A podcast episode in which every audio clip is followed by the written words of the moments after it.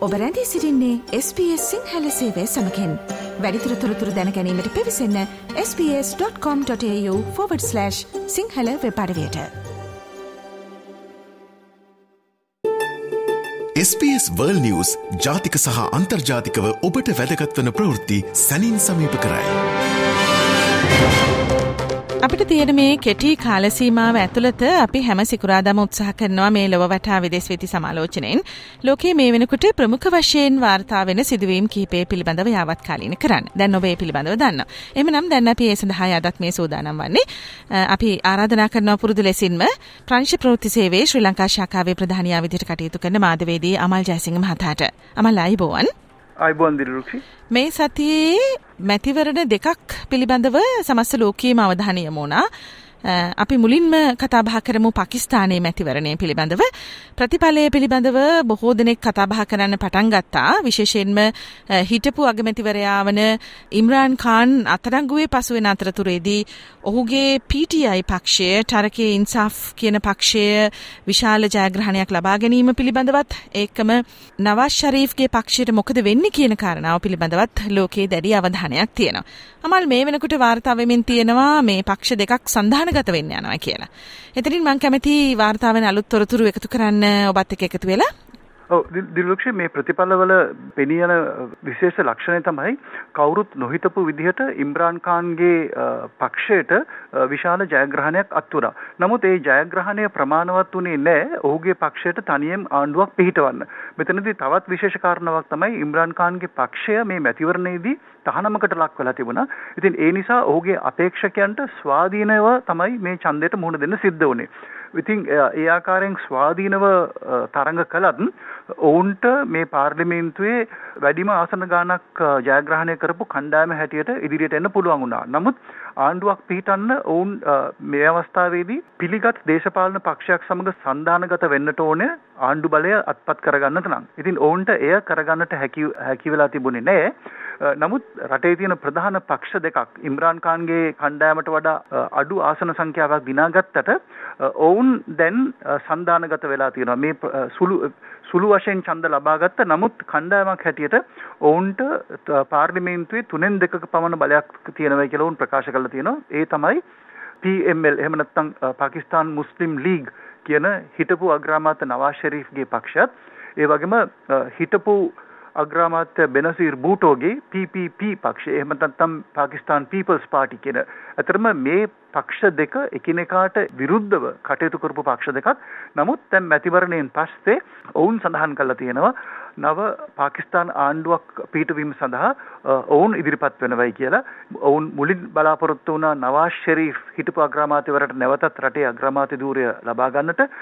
නමුත් ඒ පිළිබඳ එකඟතාවයක් නැතිව දැන් සඳහන් වෙනවා නවාස් ෂරීෆ්ගේ සොහොයුරු ෂෙබාස් ෂරීෆ්ට රටේ නායකත්වය ලබා දෙන්න නැත්නම් මේ අගමැති ධූරය ලබා දෙන්නට සාකච්ඡා පවත්වනවායි කියලා. ඉතින් ඒ අනුව තමයි දැන් මේ සභාග රජයක් පිහිටවීම සඳහා මේ එදිරිවාදීන් හැටියට මේ මැතිවරණට මුහුණ දුන්නු පක්ෂ දෙකක් දැන් සමගි වෙලා ඔවුන් ආණ්ඩුවක් පිහිටවීමට සැරසෙනවයි කියලායි වාර්තා වෙන්නේ.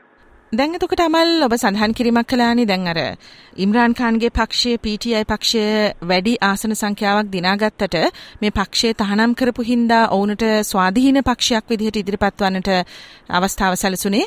පාකිස්තාන නීතියට අනුව ස්වාධීන කණ්ඩායමකට රාජ්‍ය බලය හිමි කරගන්න බෑ ඔවුන් යම්කිසි වූ නීති අනුකූල වෙනත් පක්ෂයක් සමග සඳහන ගත වෙන්නේ නැත්තම් කියලා ඔබ සඳහන් කිරීමක් කළා.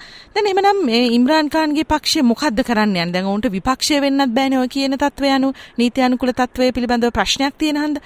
ඔවුන් මොකද්ද කරන්න යන්නේ? පිළිබඳව මොනවද වාර්තා වන්නේ දිදුෂ අපිට දැනට වාර්තා වෙන විදිහට ඉම්රාන් ખાන් සඳහන් කරලා තියෙනවා. ඔහු මේ මැතිවරණ ප්‍රතිඵලය බාරගන්නේ නැහැ කියලා. ඒක ප්‍රතික්ෂේප කරනවා කියලා. ඒකම ඔහු උත්සාහ කරනවා කියලා ශ්‍රේෂ්ඨාධිකරණයට පෙත්සමක් ගොනු කරන්න උසාවියේ සහාය පතන්න මේ අවස්ථාවේදී මේ ඡන්දය නීති විරෝධී එහෙම නැත්නම් මේක අවලංගු කරන්නට කියලා. ඒ එක්කම ඔහුගේ පක්ෂ ඔහුගේ පක්ෂයේ උදවිය ස්වාධීන කණ්ඩායමක් හැටියට මේ අවස්ථාවේ තරඟ වැදිලා ඔවුන්ට ස්වාධීනව පාර්ලිමේන්තුවේ රැඳීනට පුළුවන්. නමුත් පාකිස්තානයේ නීති ක්‍රමවේදය අනුව ඔවුන්ට PTI පක්ෂයක් හැටියට පාර්ලිමේන්තුවේ පෙනී හිටින්නට හැකියාවක් නැහැ. මං කලින් කිව්වනේ මේ ලෝකයේ අවධානයක් තියෙන ප්‍රධාන මැතිවරණ දෙකක් නිමාවට පත් වුණා කියලා. ඊළඟ මැතිවරණේ ටිකක් ඕස්ට්‍රේලියාවට සුවිශේෂී. මොකද මේ ඕස්ට්‍රේලියාව අවට තියෙන රටවල් පිළිබඳව ගත්තාම චීනය, ජපානය, මැලේසියාව, තායිලන්තය ඒ වගේම ඉන්දුනීසියාව. මේ රටවල් ඉතාමත්ම වැදගත්. මේ රටවල් එක්ක තියෙන රාජතාන්ත්‍රික සබඳතා සාගරත් කලාපත් එක්ක තියෙන සබඳතා ආර්ථික සබඳතා ඔස්ට්‍රේලියාවට ඉතාම වැදගත්. මේ රටවල් වල සිදුවන බලපෙරලිත් ඔස්ට්‍රේලියානු දේශපාලනයට විදේශ ප්‍රතිපත්තිවලට බලපානවා. ඉතින් ඉන්දුනීසියාවේ දැන් අලුත් රජයක් පිහිටවන්නට අවස්ථාව ලැබුණා. ඔවුන්ගේ මැතිවරණය නිමාවට පත් වුණා. බ්‍රහස්පතින්දා වෙනකොට අපිට වාර්තා වුණා ඉන්දුනීසියාවේ හිටපු ආරක්ෂක අමාත්‍යවරයා ප්‍රබෝවෝ සුබියන්තෝ තමයි මේ ඊළඟ නායකයා වෙන්නට යන්නේ කියලා. මොහුගේ පසුබිම සහ ඔහුගේ දේශපාලනික සවිඥානික භාවය ඔහු දේශපාලනයත් එක්ක තිබුණු සම්බන්ධතාව බලපානව ඔහුගේ මේ ඉදිරි රජය පවත්වාගෙන යාම කියන කාරණාව සලකා බලද්දී. අමල් දැන් ටිකක් මේ අපිට ඕක සම කරන්නත් පුළුවන් ලංකාවේ හිටපු ජනාධිපති ගෝඨාභය රාජපක්ෂත් එක්ක. ඔහුත් එන්නේ මේ හමුදා පසුබිමක් සහිතව. දැන් මේ සුබියන්තෝටත් එහෙම පසුබිමක් තියෙනවා. දැන් එහෙම බැලුවාම අපිට කොහොමද ගලප ගන්න පුළුවන් වෙන්නේ මේ ඉන්දුනීසියාවේ ඉදිරි අනාගත දේශපාලනික අනාගතය පිළිබඳව? දිල්ලුක්ෂි මේ ආරක්ෂක අමාත්‍යවරයා මැතිවරණයට ඉදිරිපත් වෙන්නේ තුන්වෙනි අවස්ථාවට. ඉතින් දෙපාරක් ඔහු ජනාධිපති අපේක්ෂකයෙකුට ඉදිරිපත් වෙලා නමුත් ඔහුට එරෙහිව එහෙම නැත්නම් මේ තනතුරට ඔහුත් එක්ක තරඟ වැදුනේ දැනට ඉන්දුනීසියාවේ රාජ්‍ය නායකයා වෙන ජෝකෝ විඩෝඩෝ. ඉතින් ඔහු ජෝකෝ විඩෝඩෝට පරාජය වුණාට විඩෝඩෝ ජනාධිපතිවරයාගේ ආරක්ෂක ඇමති හැටියට කටයුතු කරන්න අවස්ථාව ලැබුණා. ඔහුගේ හමුදා පසුබිමත් එක්කලා ඌට බොහෝ සෙයින් මානව හිමිකම් උල්ලංඝනය පිළිබඳ චෝදනා එල්ලවෙලා තියෙනවා.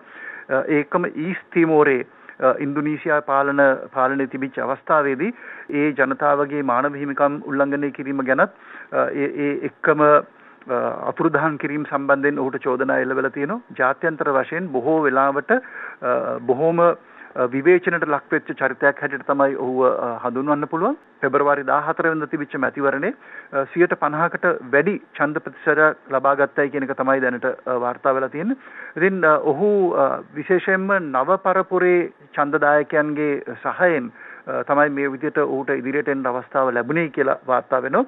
ඊට අමතරව ඔහුගේ මැතිවරණේ තවත් විශේෂ කාරණාවක් තිබුණා. ජෝකෝ විඩෝඩෝ ජනාධිපතිවරයාගේ පුත්‍රයෙක් ඔහු තමාගේ ජනාධිපතිවරණයේ කටයුතු වලට බොහොම කෙලින්ම සම්බන්ධ කරගෙන තමන්ගේ දෙවෙනියා හැටියට ඒ විඩෝඩෝ ජනාධිපතිවරයාගේ පුත්‍රයාව තමාගේ දෙවෙනියා හැටියට ඉදිරිපත් කළා තමයි මේ මැතිවරණය ජයග්‍රහණය කරන්න කටයුතු කළේ. ඉතින් ඒ එක්කම මේ රාජ්‍ය බලයත් පාවිච්චි කරමින් මේ මැතිවරණයට මුහුණ දීමත් එක්කලා විශේෂයෙන්ම විපක්ෂය මේ වෙනකොට චෝදනා එල්ල කළා තියෙනවා මේ මැතිවරණයේදී සාධාරණ හා ස්වාධීනව මේ මැතිවරණය සිද්ධ වුණේ නැහැ.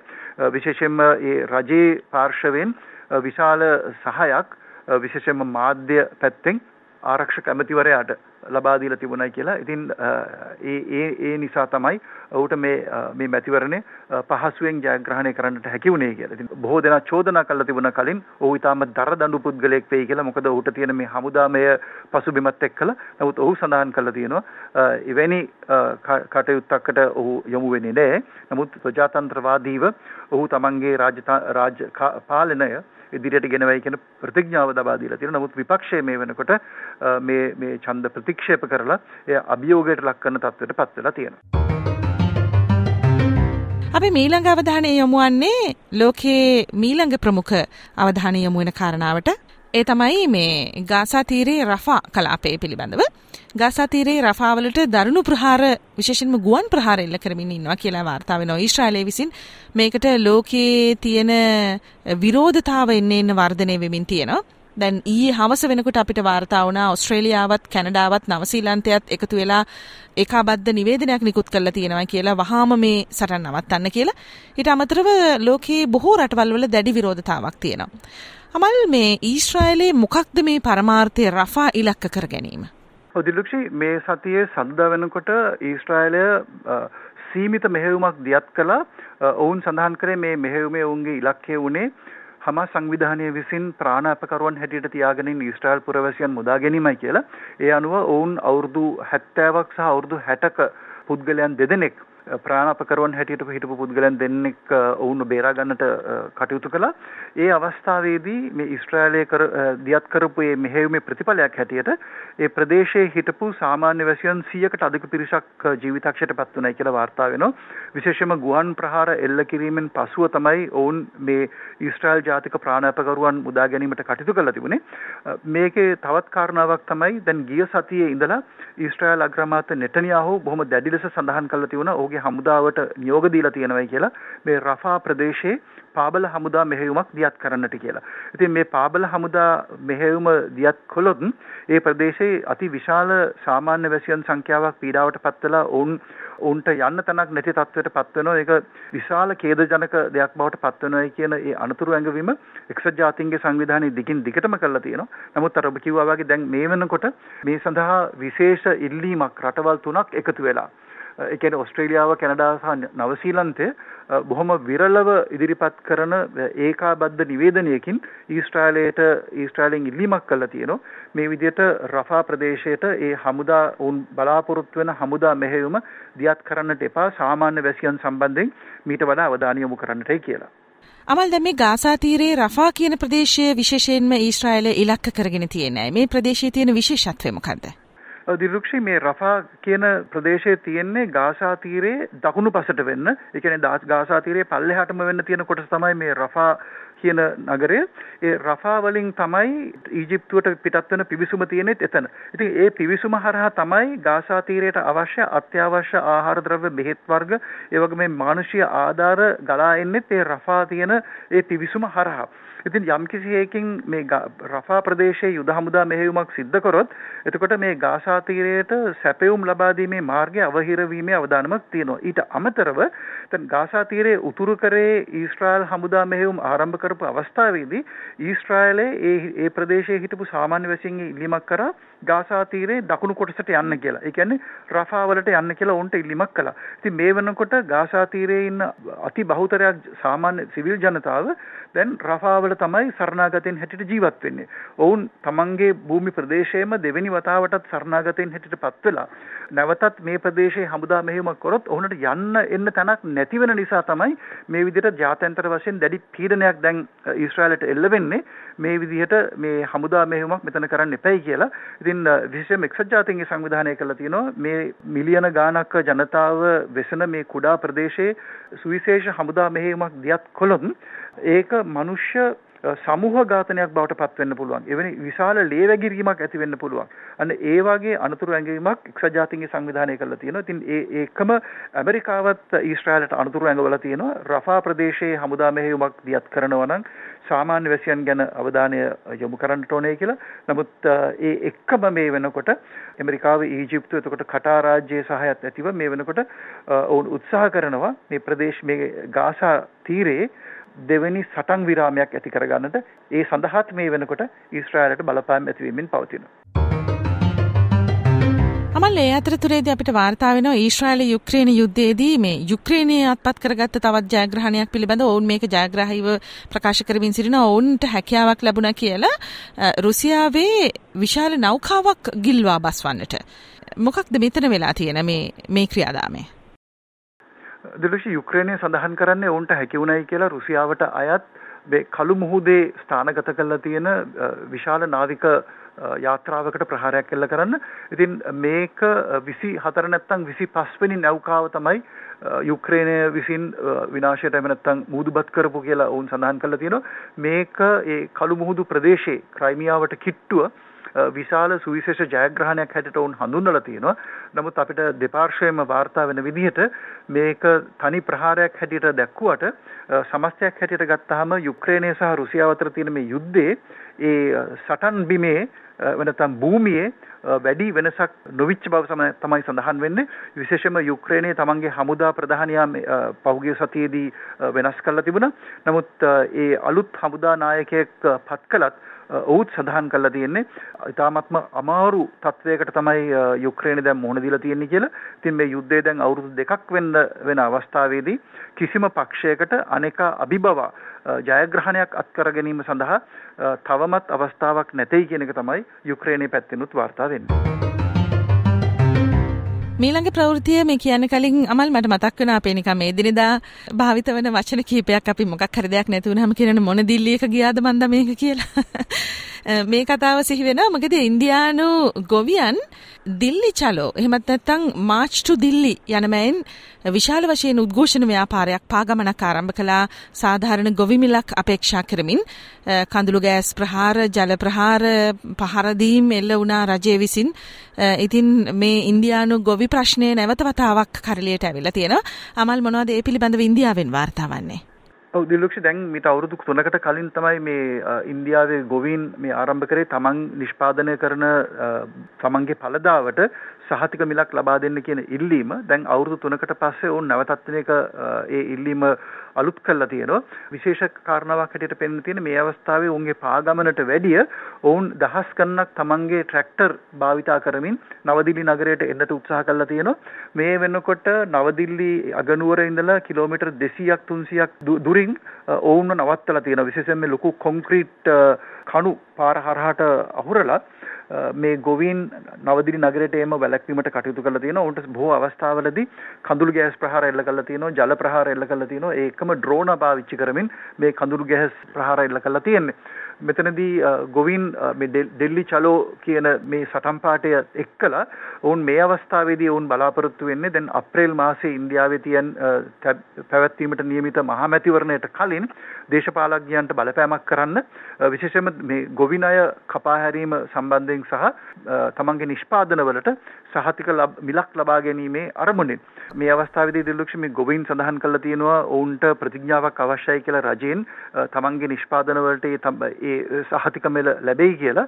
නමුත් මෝඩී අග්‍රාමාත්‍යවරයාගේ පාලනය සඳහන් කරලා තියෙන්නේ මේ මැතිවරණයක් කිට්ටුවේදී එවැනි ප්‍රතිඥාවක් දීම ඔවුන්ට අපහසුයි. නමුත් ඒ ගැන සාකච්ඡා කිරීමට කැමතියි කියලා. ඒ කෙසේ වෙතත් මේ ගොවීන්ට තමන්ගේ ඒ ට්‍රැක්ටරුත් එක්කලා අගනුවරට එන එක වැළැක්වීම සඳහා දැඩි පියවර ගන්නවයි කියන කාරණාවත් බලධාරීන් සඳහන් කරලා තියෙනවා. එමනම් අපි නිමාවට පත් කරනවා මේ සතිය පුරාම ලෝකයේ ප්‍රමුඛ වශයෙන් අවධානයට ලක්වුණු කරුණු කීපය පිළිබඳව කතා බහ කරපු අපේ මේ කෙටි සමාලෝචනය ලොව වටා විදෙස් විත්ති සමාලෝචනය.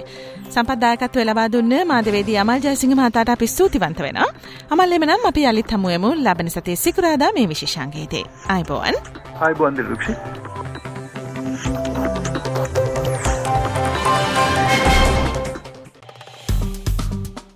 ලයි කරන්න ෂයා කරන්න අදහස් ප්‍රකාශ කරන්න SBS සිංහල ෆස්බුක් පිටුව ෆලෝ කරන්න.